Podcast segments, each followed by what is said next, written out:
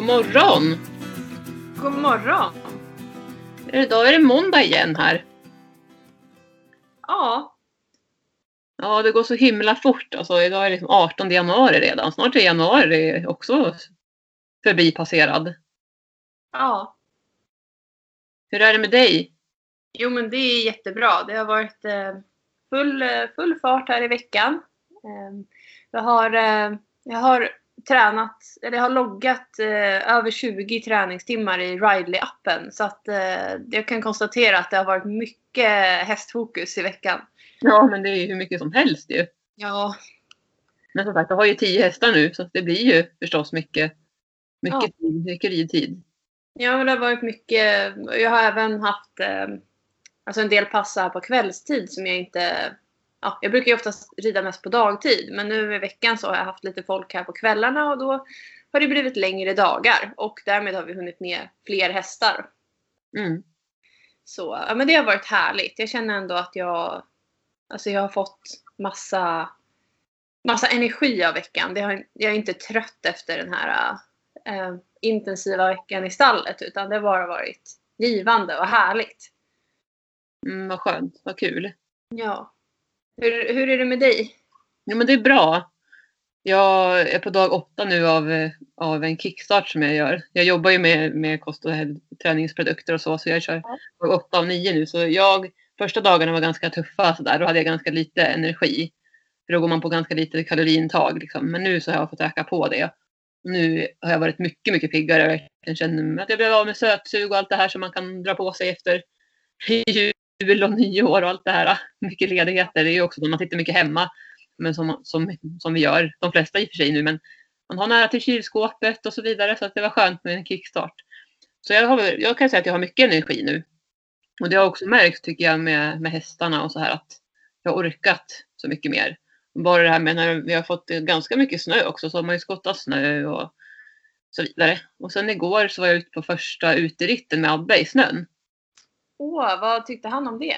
Han tyckte det var jätteroligt. Jag var lite nervös först. Att dels det här med att han skulle kunna halka.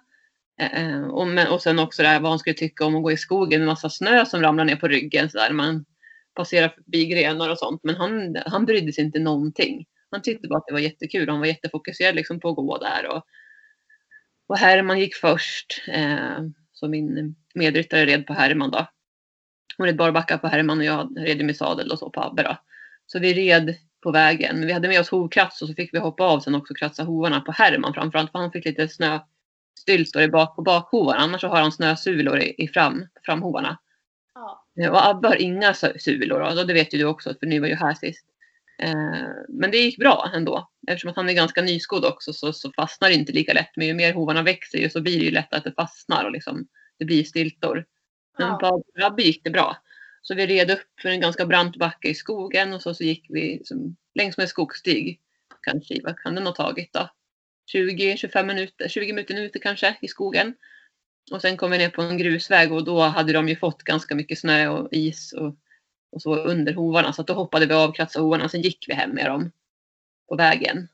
Eh, så det gick, det gick jättebra. Det kändes så himla skönt att, att ja, men, han går verkligen från klarhet till klarhet Abbe. Han, han, han är härlig att rida på. Sen har jag gjort så innan också att jag har ju longerat som jag brukar göra så att han får springa av sig lite energi för han har ju så mycket energi liksom sådär. När de, för nu står de ju mest bara i hagen. Så att då behöver han göra av med lite energi. ja.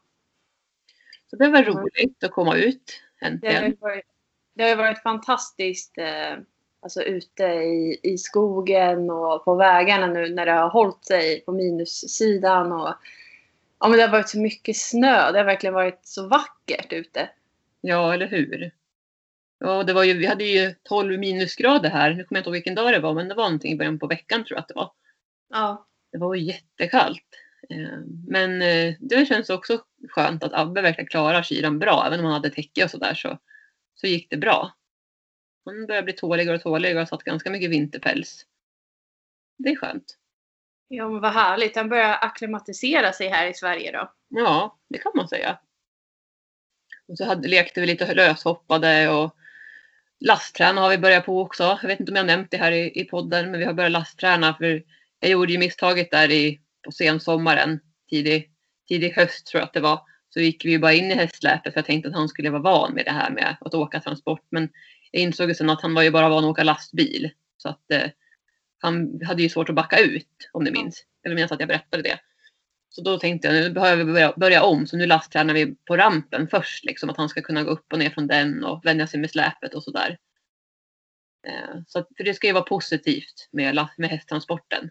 För mitt mål är ju att kunna åka iväg och så åka iväg till ridhus. Jag har en kompis nu som håller på att bygga nytt jättefint ridhus bara tio minuter härifrån med bil. Så henne vill jag kunna åka och hälsa på sen bland annat.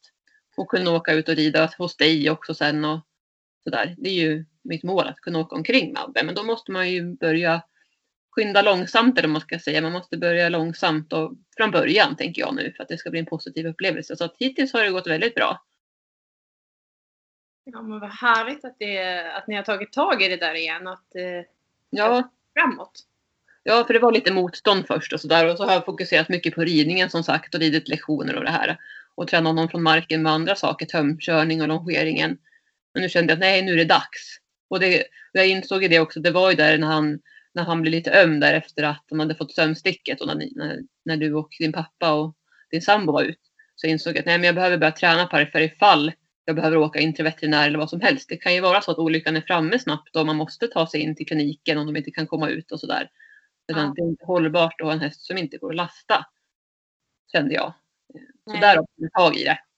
Där säger du verkligen någonting jätteviktigt. Att ja. ju, ibland ställs man ju inför situationen då man verkligen måste åka någonstans med hästen till en klinik. För att veterinären som åker ut till stallet har inte redskapen kanske för att undersöka. Mm. Eller så. Nej. Ja.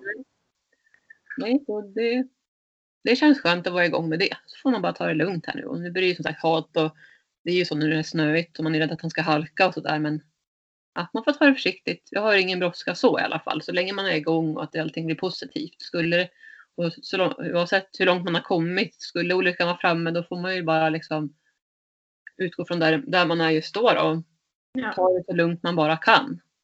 Ja. ja. Men det kan vi berätta mer om sen med lastträningen och så hur det går. Jag tänker, där har ju du också massa erfarenheter för du brukar hjälpa till med lastträningar med hästar som är lite oroliga och så har ju du gjort.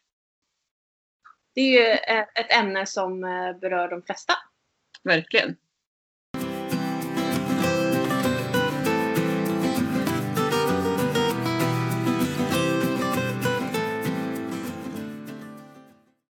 Ja, och sen så var det ju så sist förra avsnittet, då hade jag ringt veterinären precis på morgonen därför att Herman och Gingis har ju, ja men de har haft lite olika problem. Dels Herman har inte velat äta på en gång. Han har ätit upp maten men han, vill, han är inte så sugen på maten. Han petar i det och sådär. Eller går ifrån och väntar på någonting annat. Eh, och Gingis har haft problem med diarré, vill jag minnas att jag berättade. Så att, eh, jag ringde ut veterinären då och bokade ju tid så att han kom ut på onsdagen. Alltså, ja, nu är det måndag idag då, så i onsdags. Och eh, då bokade jag först tandkoll med Herman.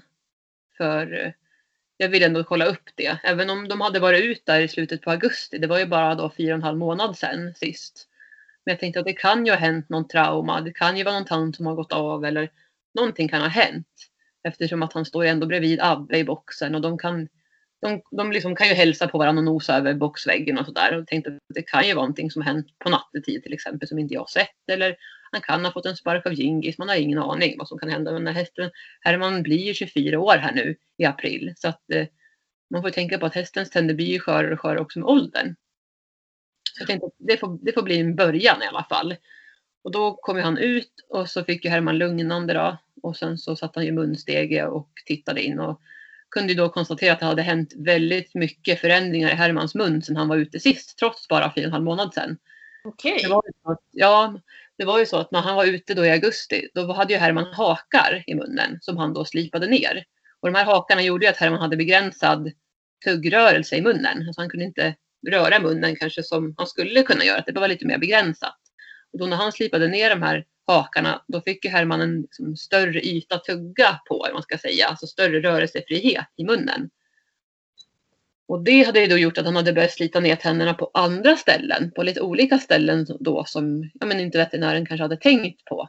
Han sa faktiskt så här när han var här att jag, ja, jag är lite besviken på mig själv, sa han.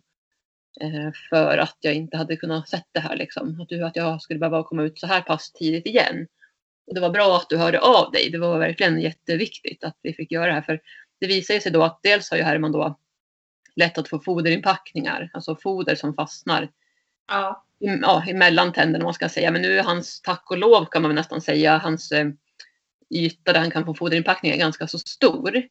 Så det, har man tur så kan det ju vara så att, foder liksom, att det rensas av sig själv för att fodret kommer åt att putta bort det här gamla fodret. Men han sa också att det kan vara ännu värre nästan om de har smalare liksom, foderinpackningar, alltså smalare öppningar man ska säga. För då kan det ju fastna lättare mellan tänder och sådär och det sitter alltid kvar där tills man petar bort det. Men han sa ju att Herman skulle egentligen behöva tandtråd varje dag. Men det går ju inte. Alltså det är ju inte hållbart. Man kan ju inte ta ut veterinären varje dag liksom för att kolla munnen. Det funkar ju inte. Och själv kan man ju inte heller göra det för att det är så pass långt bak och man måste ju sätta munsteg och grejer. Eh, och det som händer med de här foderinpackningarna det är ju att det bildas ju bakterier under där i fodret. Frodas bakterier. Och det sen ger inflammationer. Och det hade Herman fått. Och det är ju smärtsamt. Ja. Plus att det i sin tur också kan gå ner i mage och tarm och skapa obalans i tarmen med de här bakterierna. Som kan också leda till kolik. Nu är det här, ska man inte bli jätterädd, men jag, det är vad jag har läst och också som vi pratade om med veterinären, att det kan hända. Ehm, så det var den ena saken med tandin, eller foderinpackningarna då som man har. Men sen så hittade jag också då att hans kindtänder, de främre kindtänderna, de hade Herman framförallt på ena sidan slitit ner så pass mycket så att det var ända ner till tandköttet. Det var liksom, tanden var i linje nästan med tandköttet. Och då var den övre tandraden, det var, den tanden då längst fram, den var mycket högre, alltså mycket större tand, högre tand. Så att den kom ju då emot, när han tuggar så biter han sig själv i tandköttet. Aj. Det var ju inte skönt. Han hade som en liten ficka liksom i tandköttet så här, som, som liksom, vad ska man säga, från ja, in mot tanden så, som en liten kant liksom på tandköttet. Och det var ju inte heller så skönt förstås. Där hade han ju också jätteont. Så jag kan ju förstå varför han har, men jag har ju sett lite grann att munrörelserna har ändrats lite. Han liksom tuggar lite så snett och lite ojämnt ibland. Man kan se ibland att han liksom man ser ju faktiskt väldigt tidigt ändå. Hästen prat, hästar pratar ju med oss hela tiden. Så är man bara lyhörd och tittar så kan man ändå se en viss förändring ofta. Därför är det så bra att stå och titta på hästarna när de äter. Oavsett om de är friska eller inte. Liksom. Att då, för då ser man ju ett mönster. Man kan ju se om någonting har förändrats. Och det var ju lite det jag kände också. Sen framförallt det här att han inte hade riktigt samma aptit. Nej. Ehm, Så det här förklarar ju förmodligen mycket till varför han inte är så sugen. Och det kan ju ha pågått ett litet tag. Säkert inte jättelänge men, men eh, ja, det är ju så att när hästen åldras att tänderna slutar ju växa. Och då är, blir det ju nedslitningar. Så det, de tuggar ju ändå ganska grovt foder liksom. Som de maler med sina tänder. De är ju så beroende också av att tänderna ska fungera. Verkligen. Och där, eh, jag tycker det är intressant det som du säger att, att veterinären själv sa att, eh, att han var lite besviken på sig själv för att han kanske hade tagit för mycket på tänderna, om jag uppfattade rätt. Ja. Eh, För det här, jag har ju som sagt varit hos tandläkaren under en väldigt lång period med min häst Bullen nu just för Ja. att man kan, alltså det är så himla lite man kan reglera per gång. Ja. Det där har ju känts då för mig som har en häst som behöver justera tänderna väldigt mycket för de är extremt ojämna. Alltså han har verkligen så här som du beskrev att några tänder är liksom högre än de andra och det är liksom vågigt i munnen på honom. ja. Eh, och det kan man inte, alltså det är frustrerande att man kan inte fixa det på en gång för att då, Nej. då blir det för stor förändring för hästen. Så att det, alltså det där är någonting som man verkligen behöver eh, mer förståelse för, eller i alla fall jag känner jag. Ja, jag håller med. Ja, jag kan väl ärligt säga att jag ångrar att jag inte tagit ut tandläkaren oftare till hästarna. Jag har ju varit lite slarvig får jag väl erkänna och jag tror att det är nog in, jag är inte ensam om det i alla fall. Sen vet jag att många är jätteduktiga och verkligen tar ut minst en gång om året och sådär. Och kollar eller åker in till kliniken. Och jag kan verkligen rekommendera det. Alltså, jag ångrar ju att jag inte har kollat bättre. Alltså, jag skulle kunna ha kollat oftare. Eh, men det är klart, alltså, det är ju inte katastrof så att säga så. Det är det ju inte. Och nu var jag ändå snabb på att ta ut veterinären igen när jag misstänkte att det var, kunde vara någonting med munnen. Men det är ju verkligen viktigt som du säger att eh, kolla hästen ganska så ofta, i alla fall en gång om året. Ja. För att ja, minska risken för att det ska bli tokigt liksom. För som sagt, hur gammal är Bulle nu? Han är 10 så att eh, han, det gäller ju att få ordning på hans tänder nu. Mm. Det kommer ju inte bli bättre när, ju äldre han blir. Nej, och precis. Det är ju, men det är ändå en bra tid liksom, att, det, att det är nu. Så att det inte är när tänderna slutar växa på honom. För de växer ju fortfarande. Mm. Eh, så då kan ni ändå, då kan ni ändå påverka, tycker, tänker jag, en hel del. Mm. Men för min del nu med Herman som är snart 24, det är ganska kört att alltså, hans tänder kommer aldrig växa ut igen. Så att, till exempel med den här tanden nu som ända ner till tandköttet. Där får man ju bara se till så att han inte biter sig själv. Eh, att han får ont och inte liksom sår och inflammationer och sånt. Och sen så till slut så kommer ju den här tandroten, den kommer ju dö så småningom förmodligen. Veterinären beskrev att den kommer förmodligen dö.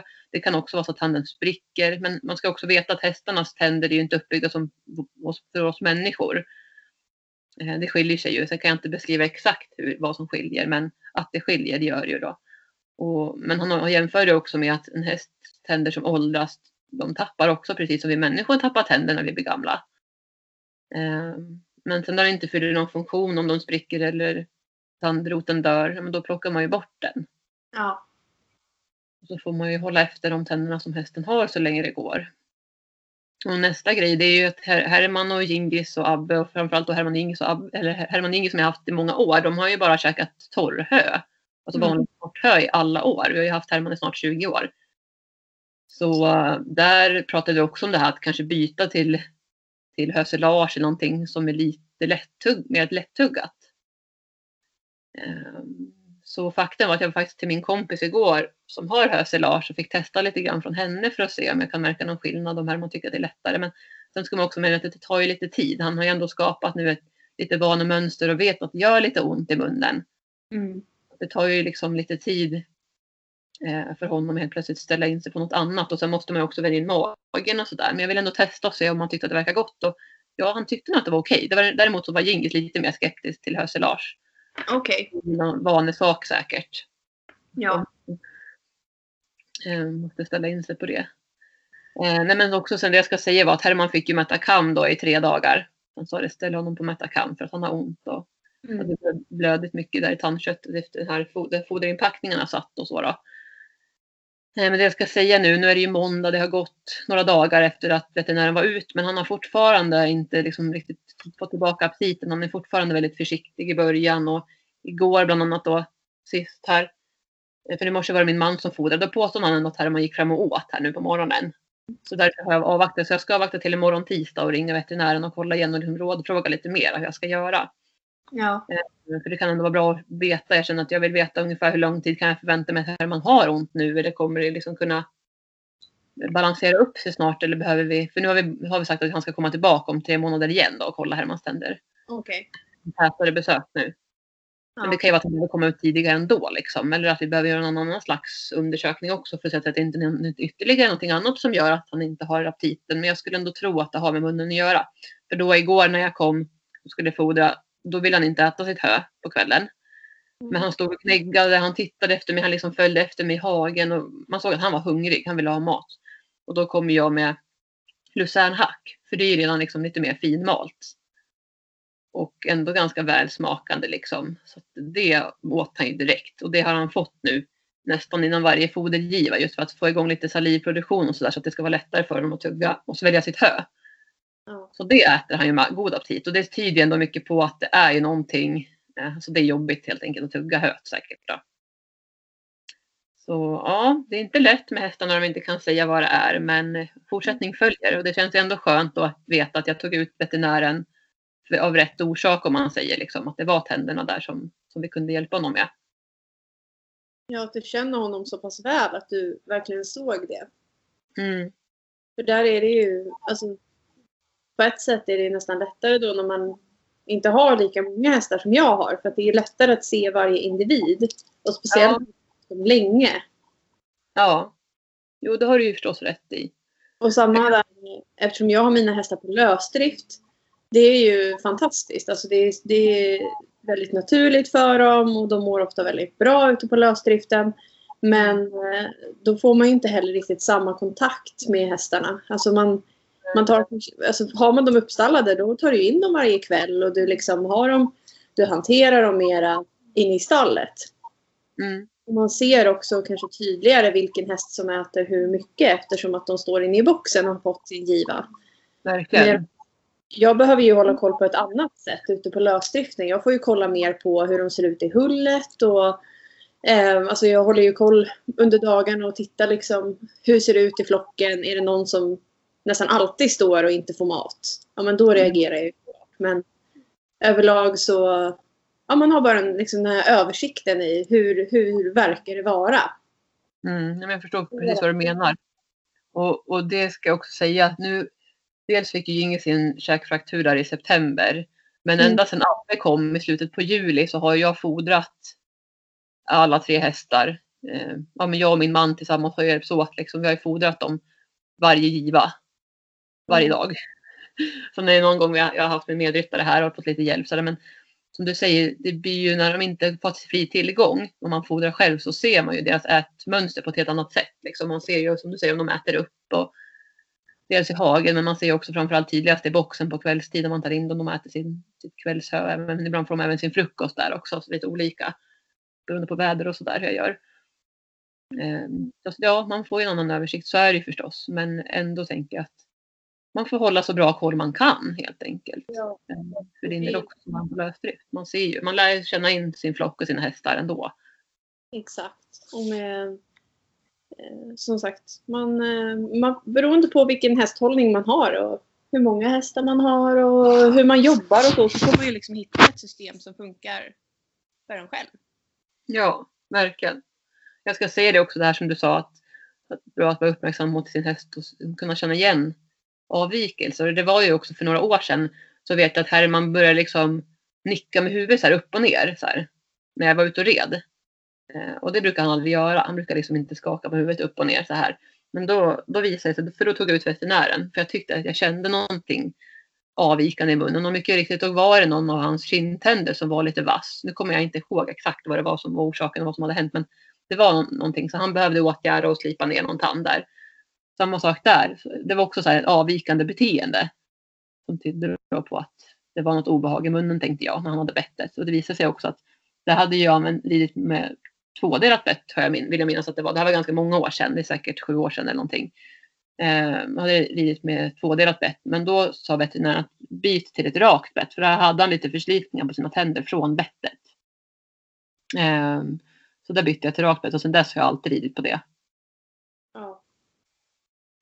Ja, det, gäller det verkligen att vara lyhörd. Ja, och framförallt när det gäller tänder så är det någonting som jag, ty- jag tycker personligen att det är ganska lätt att slarva med det för att man ser inte. Alltså, Nej, inne i munnen vad som händer. Det, är, det ser ju inte hela vägen bak. De har ju extremt mycket tänder långt bak i munnen och där Alltså det är ju omöjligt för mig att eh, hålla koll på det själv. Man måste ju liksom ta hjälp av någon som har kunskapen. Ja, Nej, men för det är ju så, hästarna betar ju av gräs eller ja, men det de betar liksom, det gör de ju med framtänderna, sen maler de ju det i sina bakre kindtänder. Ja. De är ju extremt viktiga för hästen. Så vi får se här nu hur det går med Herman. Jag hoppas att han ska få tillbaka aptiten och inte behöva ha ont här nu då. Så Mm. gott det går. Men jag ändå, så länge han äter upp sin mat så får man ju liksom utgå från det och så får vi se om vi får ändra om här till någon hösilage eller som förhoppningsvis kanske är lite lätt, mer lättuggat. Och sen så kan man ju ge, man kan stödfodra väldigt bra med lucernhacka också. Det sa veterinären att det är jättemånga som gör också när man får en äldre häst och de börjar få problem, problem att tugga fodret. Mm. Så ja, vi får se. Sen kan jag berätta lite om Gingis också där. Och han har ju haft lite problem med diarré till och från. Och jag har ju också skickat in träckprov och sådär och det har ju sett bra ut på honom. Så där kunde jag ändå utesluta det. Ehm, och då började jag misstänka magsår på Gingis. Eftersom att han har ju haft sin fraktur, stått på kliniken, åkt in och ut. Det är ändå ganska stressande för alla hästar oavsett Gingis som är väldigt lugn men han ska säga att han är nog ganska introvert. Eh, Han visar inte så mycket utåt utan han blir nog mer stressad inombords. Eh, Och all stress kan ju leda till magsår. Och sen dessutom har han ju fått två antibiotikakurer, vilket också slår ut mag och tarm och så vidare. Det är inte alls bra eh, på det sättet. Även om självklart antibiotika hjälper så hjälper det också många gånger. Eh, och sen i och med också hans ändrade ätbeteende också, alltså att han inte kunde äta så som han borde eh, när han hade frakturen har ju, har ju också för oss kunnat påverka honom eller har säkert gjort. Så jag har haft lite misstankar om att det skulle kunna vara magsår. Så där gjorde vi faktiskt så att vi har satt in en behandling med Gastrogard. Medicin eh, mot då magsår för häst. Och det kan man också använda i förebyggande syfte. För jag kände så här eftersom att de skulle komma ut och kolla Hermans tänder och jag vill inte sätta mig och åka in med båda hästarna till kliniken. Så kände jag att då får de komma ut, kolla Herman och sen så kollar vi läget liksom i Gingis och gör en undersökning och han sa att det är bra att sätta in det då så får vi se om det hjälper. För det är inte på något sätt farligt för hästen om det, om det skulle visa sig att det inte är magsår. Men om det, om det då skulle vara det så brukar man märka det ganska snabbt. Eh, och jag kan säga att jag tycker att jag redan har märkt en skillnad på honom. Han är mycket mer vaken och piggare. Ja. Eh, igår på hästskötarkursen så körde vi med Gingis. Och han var så pigg och glad. Nu tycker han att det är väldigt kul att köra och sådär ändå. Men han var liksom, han ville göra boxsprång, han ville börja galoppera. Han var jätteglad. Jag kände verkligen så här, en förändring. Sen har jag ingen aning om det bara, bara var tillfälligt, skulle kunna vara. Men det kan också vara så att den här medicinen börjar hjälpa. Och då ska jag säga att igår då på hästskötarkursen, då hade han bara fått två givor, alltså under två dagars tid. För man ger ju en, en sån här giva gastrogard om dagen doserat på hästens vikt. Så att vi, det blir spännande att se nu hur det utvecklas med honom. Om, han, eh, om det kan, skulle kunna vara magsår som han har haft problem med. För han har också varit lite tjurig och så här, man spänner sadeljorden också lite irriterande. Och ibland när man sätter sig ner och ska spänna täcket under magen, men då tittar han på en och lägger bak öronen. Liksom, ibland vill han till och med nafsa lite. Och sen så häromdagen så när jag börjar misstänka att det kanske är magsår, då börjar jag trycka lite med mina händer på buken, så här, lite friktigt bara. Och det är också så här, då får man en ganska tydlig reaktion. Um, ja, så vi får se. Så att han går på behandling med Gastrogard nu. Och det är någonting som är, har veterinären skrivit ut det? Då? Ja, precis. Det kan man inte hämta ut själv, så det måste en veterinär göra. Ja. Och det var ju också så att vi misstänkte just det här med käkfrakturen. Så så är det väldigt rimligt att det skulle kunna vara det. Och med tecknen, de här tecknen som jag har fått också, diarré och så här, så kan det vara det. Men det skulle också kunna vara förstås att han har fått i sig lera och så när det varit väldigt lerigt och de äter från marken. Skulle kunna vara. Men eh, vi får se nu då. Jag tänker också som du säger att han har ju haft problem med käkfrakturen och haft ont och ätit mediciner för det och så. Eh, mm. Och även då för Bullen som har haft ont i munnen eh, av tänderna så tänker jag att det finns en stor risk att han kanske har också problem med magsår eller att han har utvecklat det i och med ja. det. Att, ja, eh, det kan det bli. Sen så sa ju veterinären också så här att oftast är det vanligt på tävlingshästar som åker omkring mycket och så. Mm att det är större risk att de får det om det är stressad, stressad, stressad miljö. Och, man jag på att oftast hobbyhästar som är hemma och så här som där det inte sker så mycket förändringar så brukar inte få det. Men man får ju liksom titta från fall till fall. För tittar man på Jingi så har det ju hänt mycket för honom. Dels då med käkfrakturen. Sen har vi också fått en ny häst i stallet. Han har fått en ny, Gingis har fått en ny box. Eh, rutinerna ser lite annorlunda ut runt omkring. Så det är ju mycket som kan påverka. Och ja, det, det måste man tänka på liksom. Även om inte jag är ute och tävlar med mina hästar. Och det är ju ganska vanligt med magsår. Sen ska, vill inte jag skrämma upp här nu och tro att oh, det är det. Eh, det kan vara bra att tillägga också att misstänker man det så är det ju det bästa förstås att göra en undersökning. Och då ja. går man ner och gör en gastroskopi, precis som man gör med människor. Gå ner i magsäcken och kollar och tittar med kamera och ser om det, hur pass i så fall om det är magsår för det första och sen hur stort, alltså hur mycket liksom. Det finns ju liten grad och det finns en väldigt stor grad av det. Och det kan vi känna att det skulle man ju vilja gjort med Gingis då. Men det kan man ju göra nu. Men jag märker att han svarar på den här behandlingen. Då åker jag förmodligen in och tittar och gör en gastroskopi. För då kan det vara bra att se hur stort är det liksom. Ehm, om det är det. Så vi får se lite grann. Men det är ändå en rekommendation att man gör en sån undersökning. Uh, och veterinären rekommenderar det också i första hand. Liksom, om man känner sig väldigt osäker. Men jag tycker att jag har så tydliga symptom och just det här med frakturan och allt det här så sa vi att men det är lika bra att sätta in en behandling så ser vi om det blir bättre. Du kommer märka snabbt. Ja. Mm. Vad skönt att, det, att veterinären var så tillmötesgående också. Ja. För det där är ju inte en medicin som är... Alltså, den där hjälper ju magen, tänker jag. Ja, hoppas att det blir... eh, Att det är det nu då. Om man Ja. svarar på medicineringen.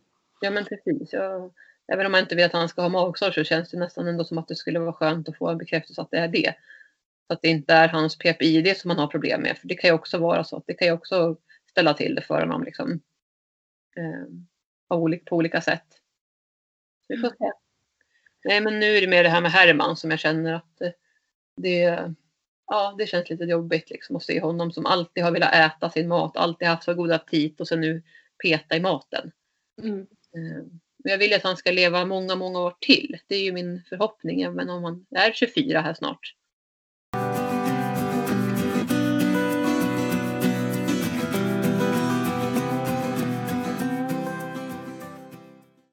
Vi pratade lite grann du och jag här om att vi ska presentera våra hästar lite mer som vi har. För vi har ju både du och jag har vi ju 13 hästar tillsammans. Ja. Du har 10 och jag har 3. ja. Så jag tänkte att jag skulle berätta lite mer om Herman. Mm. Om hans personlighet så här. Som sagt, vi firar ju snart 20 år tillsammans, jag och Herman. Vi köpte honom som fyraåring. Nere i Småland av Ryabackens Haflingestuteri. Och jag säger, säger vi köpte Herman, det var ju då min mamma och min pappa och jag och min syster, min lilla syster som är två år yngre än mig.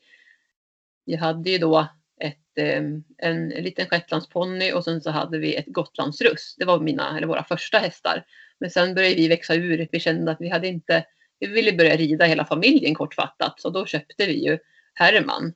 Eh, och det var ju min mamma främst som hade den här drömmen om en hafflinge. För hon tyckte att de var så vackra och fina med den här vita manen och svansen. Och, och också att det var en väldigt ja, men, stark ras. Mångsidig och frisk och stark.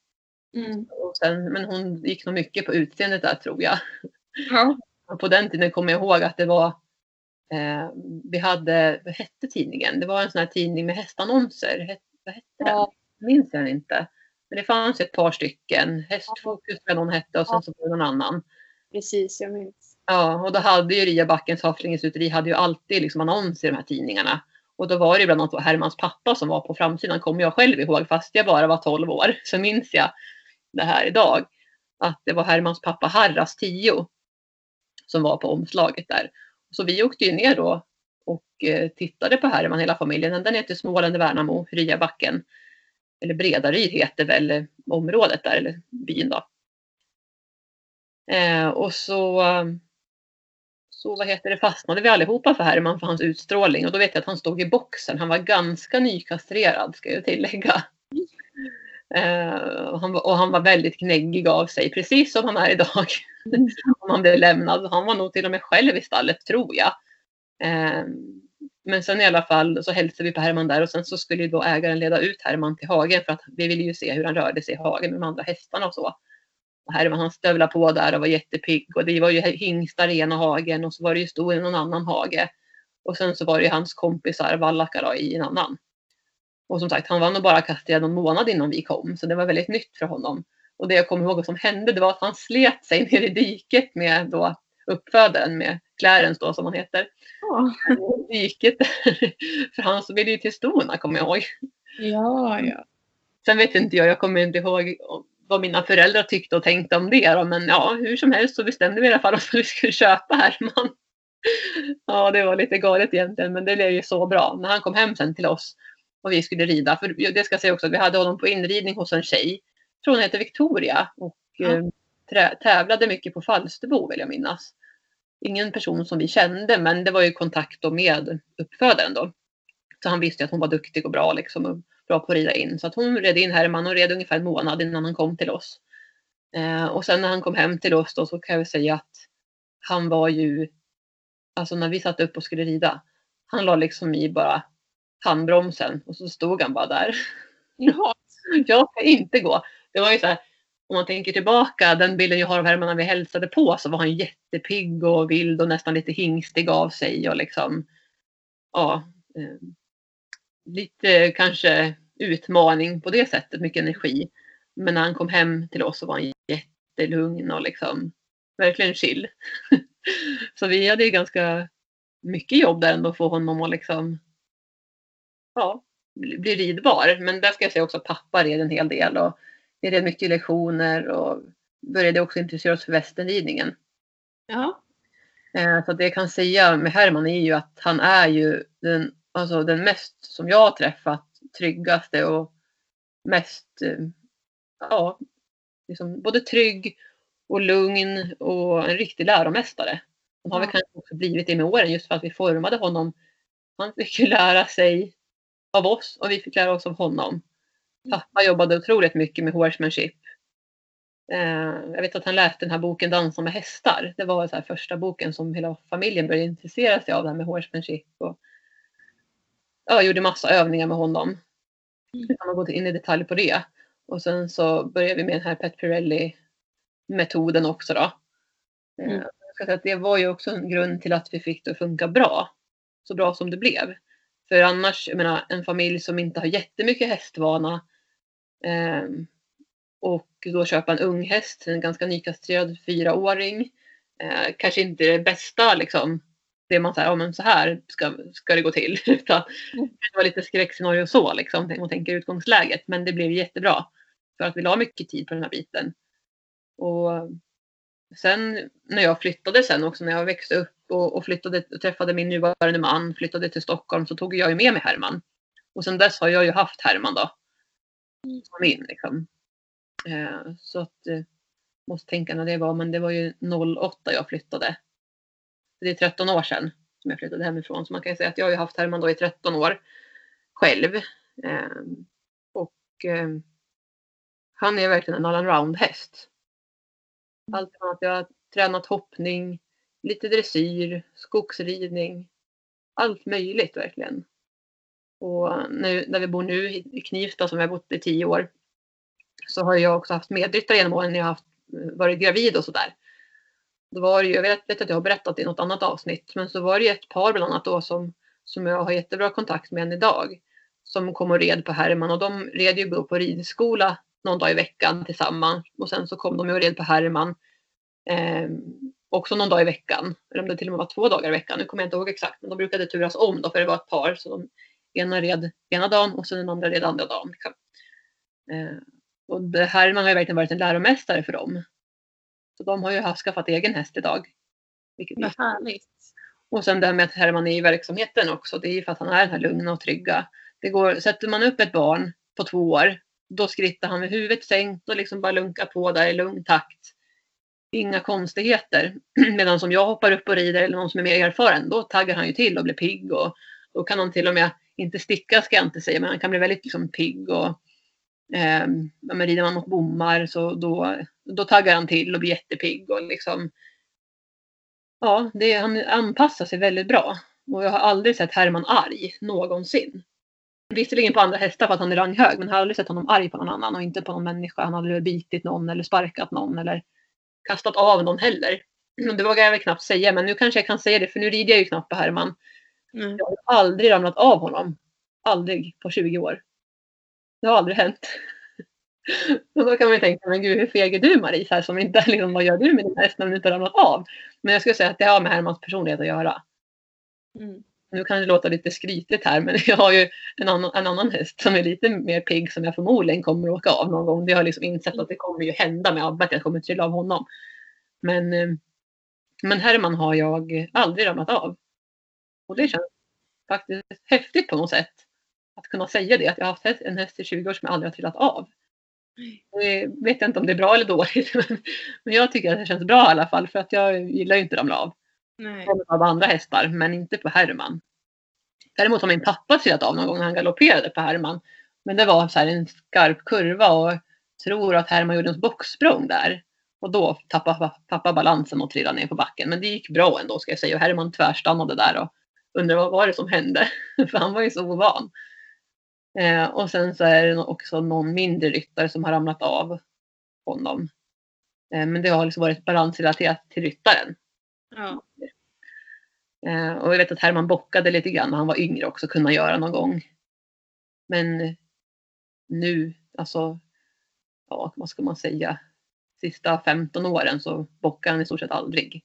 Det kan hända någon enstaka gång har det väl gjort på de här 15 åren som han har gjort det. Han har blivit riktigt pigg och så. Men han är med att han är en snabb häst. Han galopperar jättesnabbt och liksom full fart så. Men inte så mycket bocksprång och grejer. Det kanske är det som gör att man har suttit kvar också, tänker jag. Ja, absolut. Men eh, om du skulle... Så här, vad är det bästa med Herman då? Ja, vad ska jag säga? Jag skulle nästan säga allt. Nej, nej men nej, att, han, att han är den här lugna och trygga hästen men som ändå har en, en energi. Han är liksom aldrig tråkig.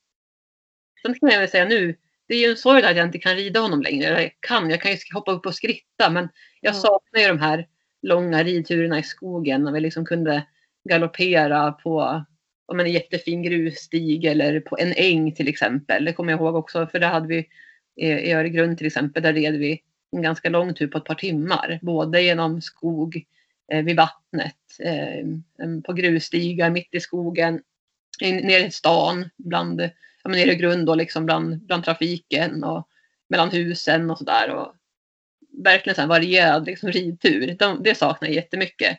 Och också det här att kunna galoppera på en stubbåker med honom.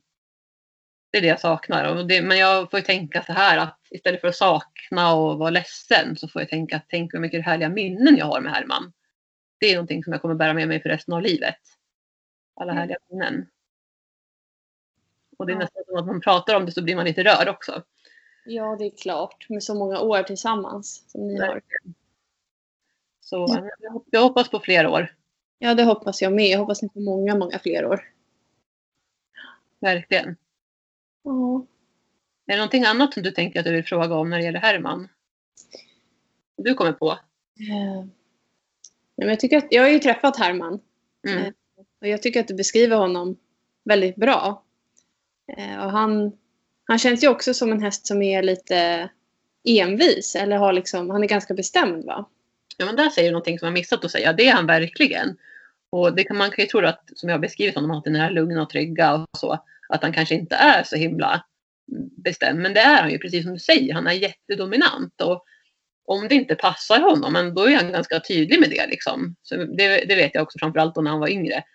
Såg han en väg som var närmare hem, då kunde han svänga in på den. Och det där var ju innan man själv liksom var, blev riktigt proffs på ridare, om man ska säga, att man liksom rörde sig i det här.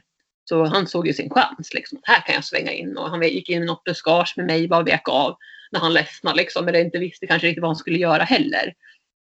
Eh, men det har han ju slutat med idag. Då. Men, men eh, nej, han är väldigt bestämd. Och han har ju också haft lite så här tendenser till att sticka ibland när man leder. Om han säger att ah, men där borta, där finns det goda äpplen eller där finns det gräs, dit vill jag nu Ja. tråkigt. Och då, då sticker han ibland. Så det har han gjort. Det har han också. Det ska man säga att det är lä- lätt för hästar att lära sig det här att sticka om de har en gång lyckats med det. Så där ska man verkligen tänka till och ha koll på sin häst att de inte får chansen att sticka. Huvudet mot sig brukar jag tänka. Huvudet mot mig. Framförallt om man har en häst som har de tendenserna.